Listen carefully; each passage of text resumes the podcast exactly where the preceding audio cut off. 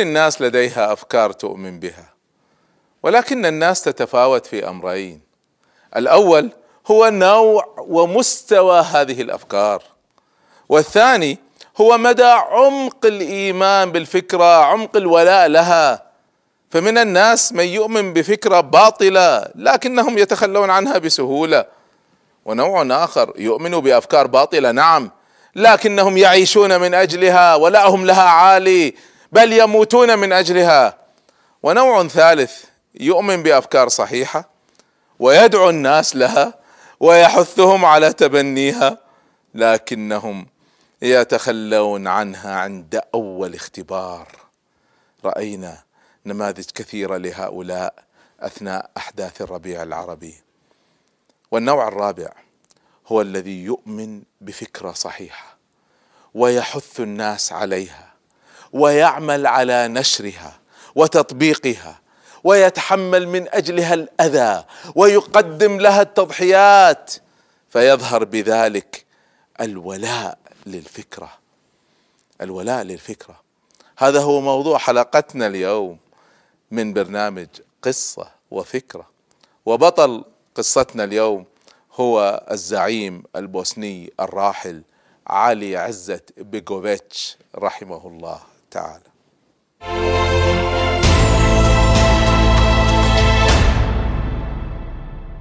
اليوم نسرد قصة شخصية إسلامية عظيمة لم تأخذ حقها من التعريف. كان لها من الولاء لفكرتها للإسلام العظيم. جعلها هذا الولاء تقف وحيدة في مواجهة مد من محاربة الهوية الإسلامية الأصيلة. تمثلت هذه الشخصية فيها معاني الوفاء للفكرة وهذا هدف البرنامج وهدف الحلقة هذه. يا شباب عندما تؤمنوا بفكرة أعطوا كل أنفسكم لها أعطوها كل الولاء. لا لا ي... أي فكرة تؤمنوا بها آمنوا بها حتى النهاية. إذا وجدت فكرة أفضل انتقلوا إليها. لكن الفكرة التي تؤمن بها ما تؤمن بها إيمان ضعيف. وهذه الشخصية هي التي ستعرفنا كيف نكون أوفياء لفكرتنا؟ كيف نكون عندنا ولاء للفكرة؟ هذه الشخصية هي شخصية المفكر الراحل العظيم علي عزت بيجوفيتش رحمه الله تعالى. ولد علي عزت بيجوفيتش عام 1925 في البوسنة لأسرة عريقة في إسلامها. تعرفون طبعا الإسلام دخل إلى منطقة البلقان من فترة طويلة على يد العثمانيين. بعد معرفة كوسوفو الشهيرة عام 1389 فبعد ما انتصروا على الفرس و وأسلم الناس الذين هناك في البوسنة عرف مسلمو البوسنة باسم البوشناق. وما زالت هناك عوائل كثيرة تسمى البوشناق. البوشناق هم أصلا البوسنيين اللي دخلوا الإسلام بعد الفتح العثماني للبوسنة. وظلوا هؤلاء البوشناق خاضعين للدولة العثمانية أكثر من أربعة قرون. بعد ما زالت الدولة العثمانية وزال الحكم العثماني وسيطرت آه، المسيحية والشيوعية على المناطق المختلفة للدولة العثمانية تعرض المسلمون في البوسنة لاضطهاد ديني واضطهاد عرقي. يعني أي واحد أصلا مسلم بغض النظر حتى لو كان ملحد كان مضطهد وكان تحت الضغط. كل هذا طبعا أدى إلى هجرة إلى نزوح عدد كبير من السكان إلى تركيا.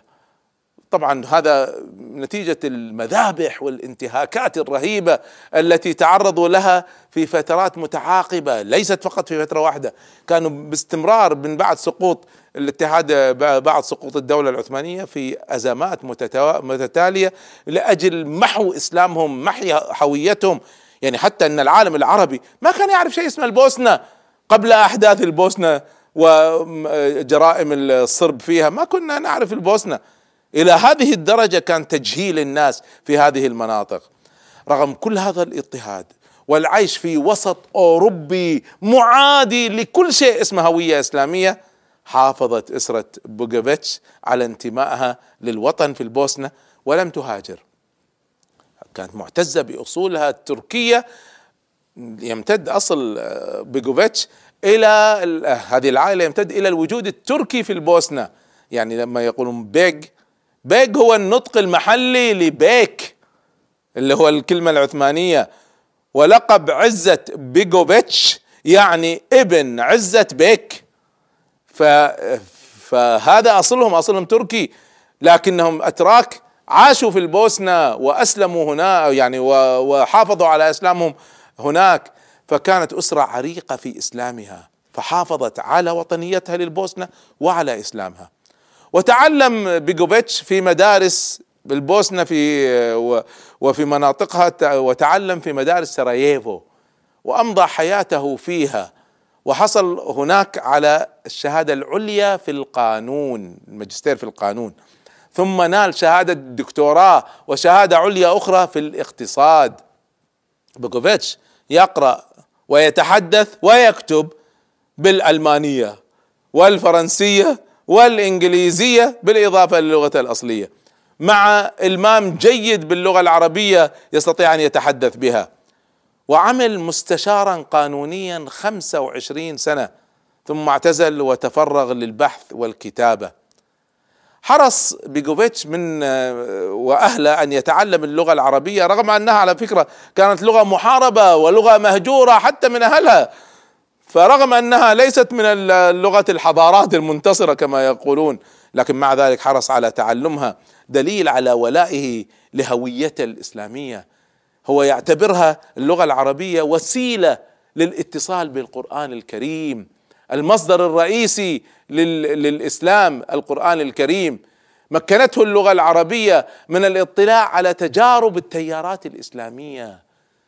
كان الفتى علي عزت له شخصية مميزة تميز بالجد بالاجتهاد بالتأمل في أحوال المسلمين. ما كان ولد تافه وبدأ يتأمل في أحوال المسلمين في بلاد البلقان.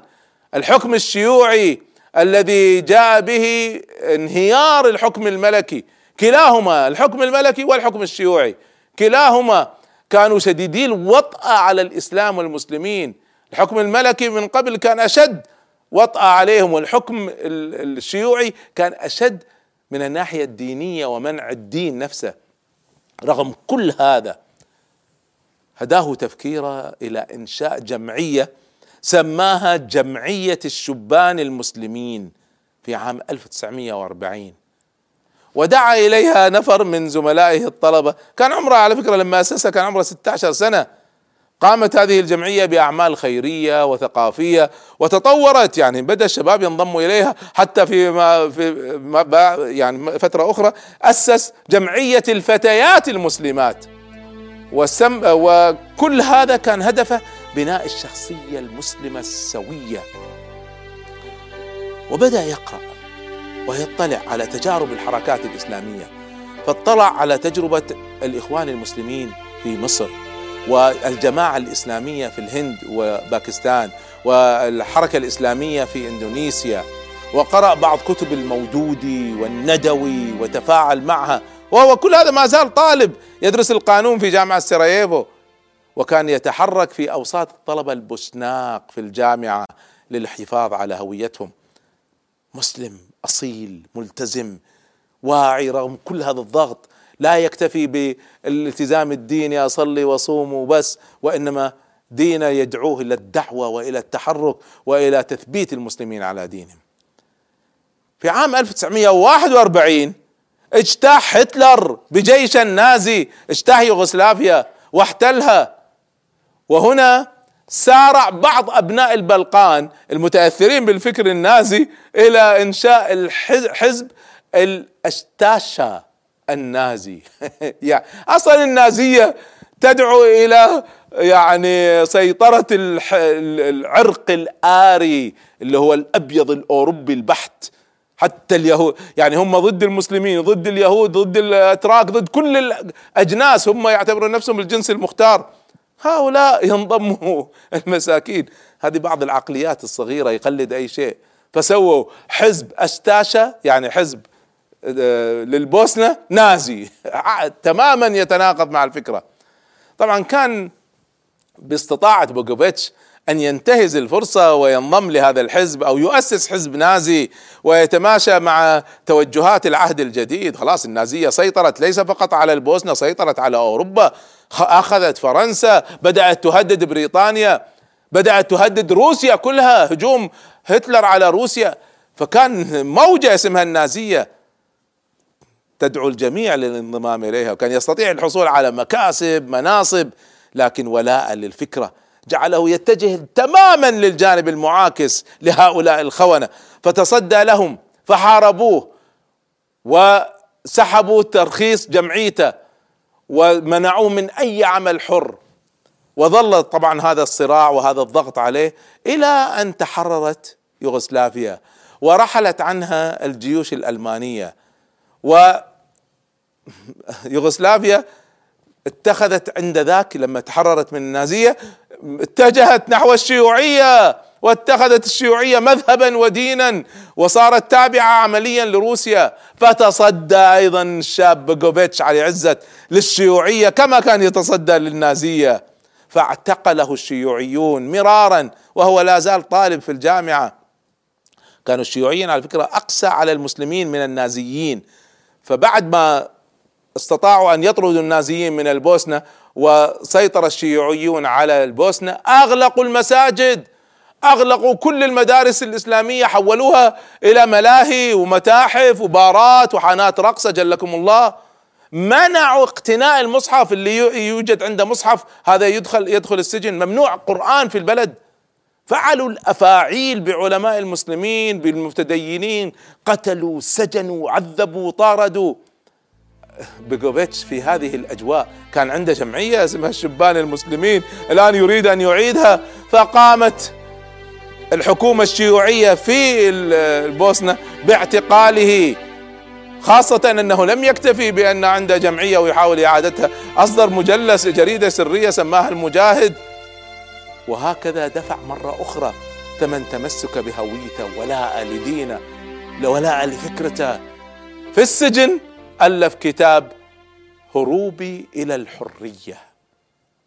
نتابع قصة هذا الرجل العظيم كيف أنقذ شعبه من الفناء بمحن أصعب من التي ذكرناها لكن بعد الفاصل إن شاء الله.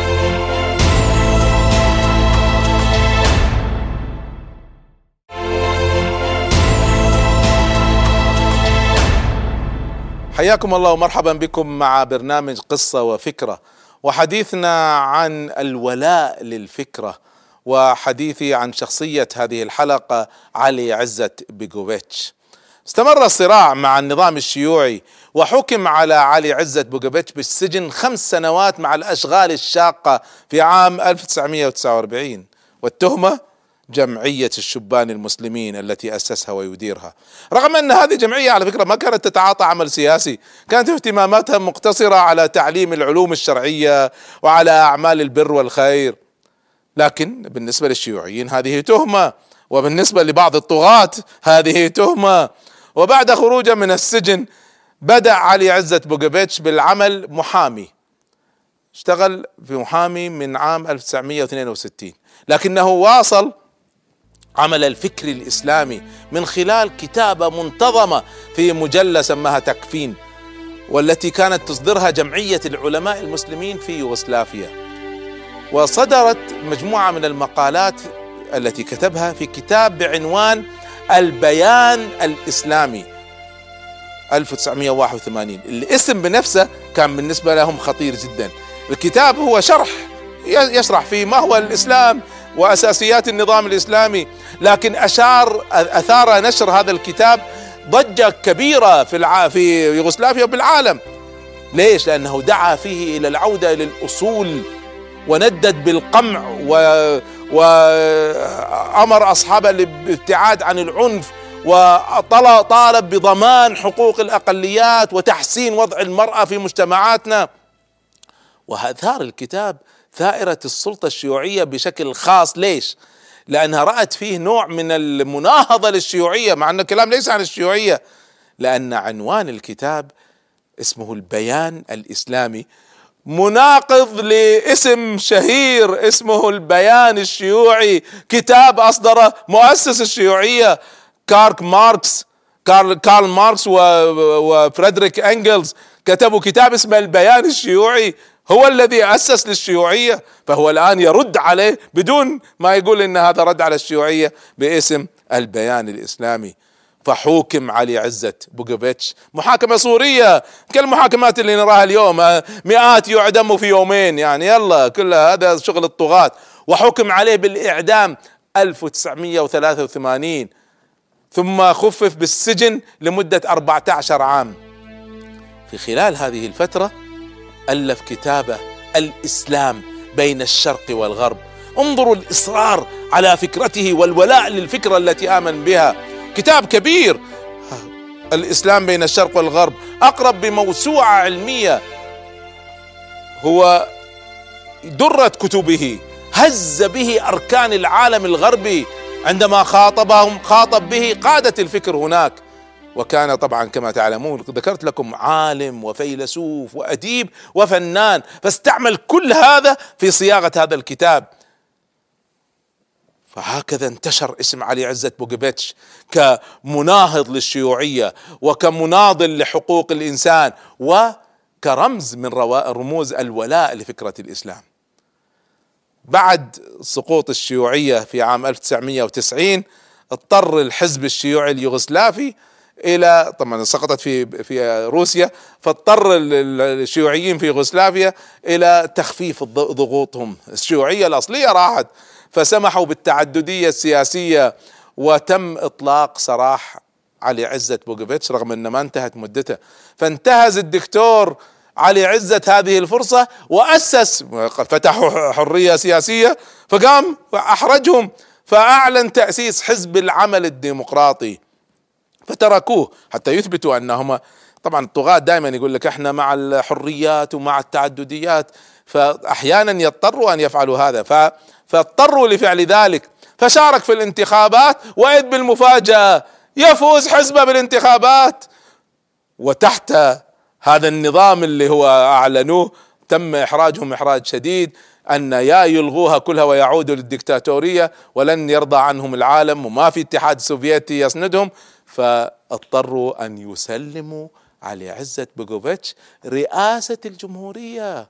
فصار رئيس لجمهورية البوسنة من عام 1990 إلى عام 1996 طبعا في هذه الفترة أيضا استقلت كرواتيا سلوفينيا وفي البوسنة كانت ضمن الجمهورية أو الاتحاد اليوغوسلافي فيها الصرب وفيها الكروات وفيها البوسنة. فهو فاز في البوسنة فقط ليس بكل يوغوسلافيا فاز في البوسنة اللي أغلبيتها مسلمة. وصوت الشعب المسلم في البوسنة على الاستقلال عن يوغوسلافيا بأكثرية 63% من الأصوات. والآن سيتجه هو وكل البوسنة لإعلان جمهورية إسلامية في أوروبا من قبل أوروبيين أصليين. طبعا الغرب لن يرضى بهذا. تأتيهم جمهورية إسلامية في قعر دارهم فالصرب طبعا وبموافقة أوروبية لم يرضوا بهذه النتيجة فانقضوا على البوسنة في حرب إبادة شاملة. هذه الحرب البوسنة التي سمعت عنها هذه قصتها. ووقعت البوسنة بين فكي الصرب من جهة يهاجمونهم والكروات يهاجموهم. وكادوا يجهزون طبعا على شعب البوسنة الأعزل الآمن وهب العالم الإسلامي لنصرتهم. لكن للأسف حكوماتنا لم تدعمهم بسلاح واحد. كل دعم إنساني الناس تذبح ما تدعمهم بسلاح كيف؟ هذا التخاذل العربي والإسلامي الذي ضيع بلادنا وضيع أمتنا. طبعا عدم رضا الصرب في نتيجة الانتخابات وانقضاضهم على البوسنة ليس أمر جديد في عالم السياسة. كثير من الأحزاب والتيارات الليبرالية بالذات التي تدعي الحرية رأيناها تعلن عن الحرية وتبني الخيار الديمقراطي وتدعو إلى الاحتكام لصناديق الاقتراع والتعددية السياسية. لكن عندما ترفضهم الجماهير وتمنح ثقتها لغيرهم ماذا يحدث؟ سرعان ما ينقلب على الديمقراطية ويحرض العسكر على الدخول في اللعبة السياسية ويصفق لأي انقلاب عسكري ويحرم خصومهم السياسيين من حق الفوز بالانتخابات بل من حق الحياة بل من حق الحرية. سجون وقمع ومنع صحافة هذا الذي حدث كله. ليس أمر جديد. ترى هذا على مرأى ومسمع من كل العالم. من الأمم المتحدة التي كانت اعترفت بجمهورية البوسنة والهرسك.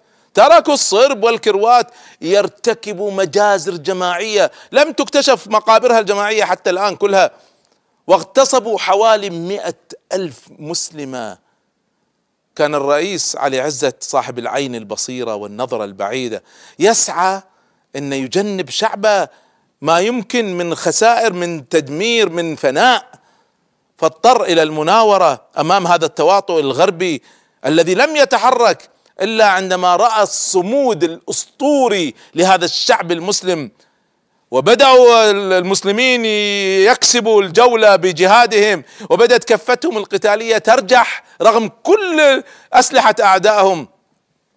هنا تقدم علي عزت الرئيس البوسني بحل وسط إلى قمة رؤساء الجمهورية اليوغسلافيه في 1991 وهو إقامة فيدرالية متناسقة.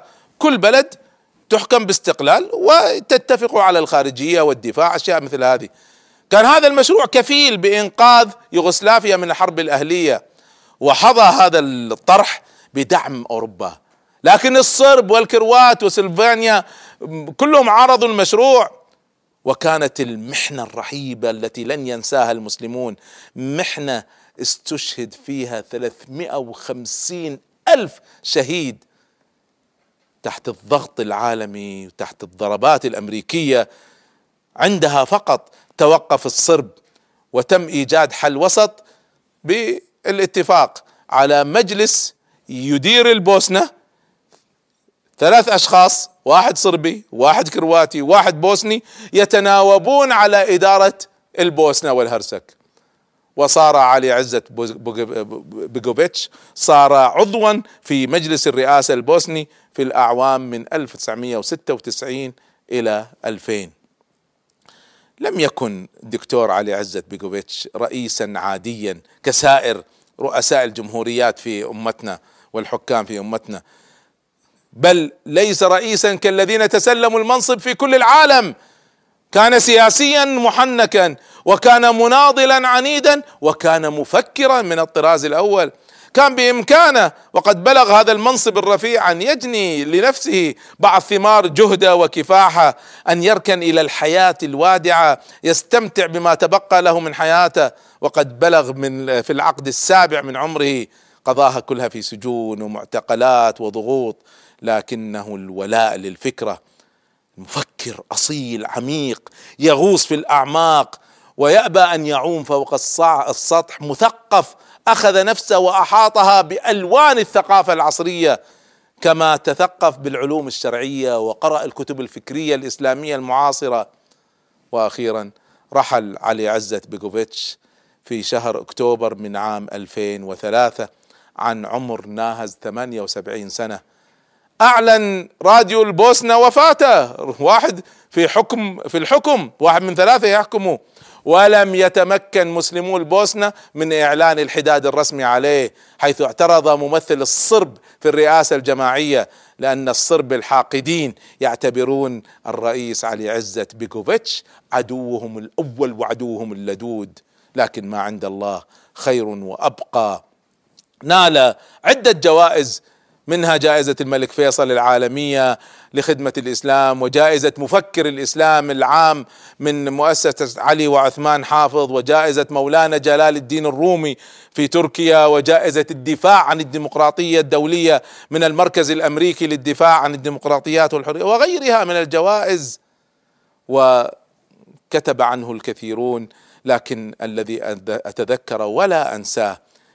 كلمة سمعتها في إحدى مقابلاته عندما طلب منه المذيع أن يروي قصة حياته فقال دعك من هذا نحن أمام أمة تخلفت دعونا نعمل لنهضتها.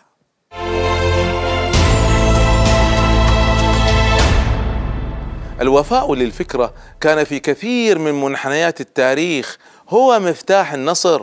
في قصة أصحاب الأخدود كان الوفاء للفكرة واضحا رغم تعرض المؤمنين للفناء والقرآن الكريم يعبر عن الولاء للفكره بمصطلح قرآن احفظوه وما بدلوا تبديلا. لما اجتاحت جيوش التتار العالم الإسلامي كان المسلمون يعانون من ضعف مادي وسياسي لكن الفكرة التي يؤمنون بها فكرة الإسلام كانت قوية ولذلك انتصروا على التتار حين استطاعوا أن يردوهم بشعار وإسلاما في معركة عين جالوت.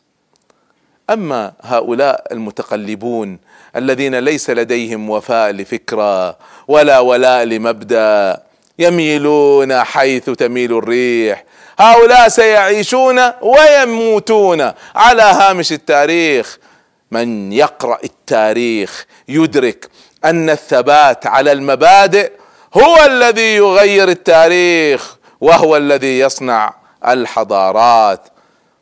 وقبل أن أستودعكم الله انشروا عنا.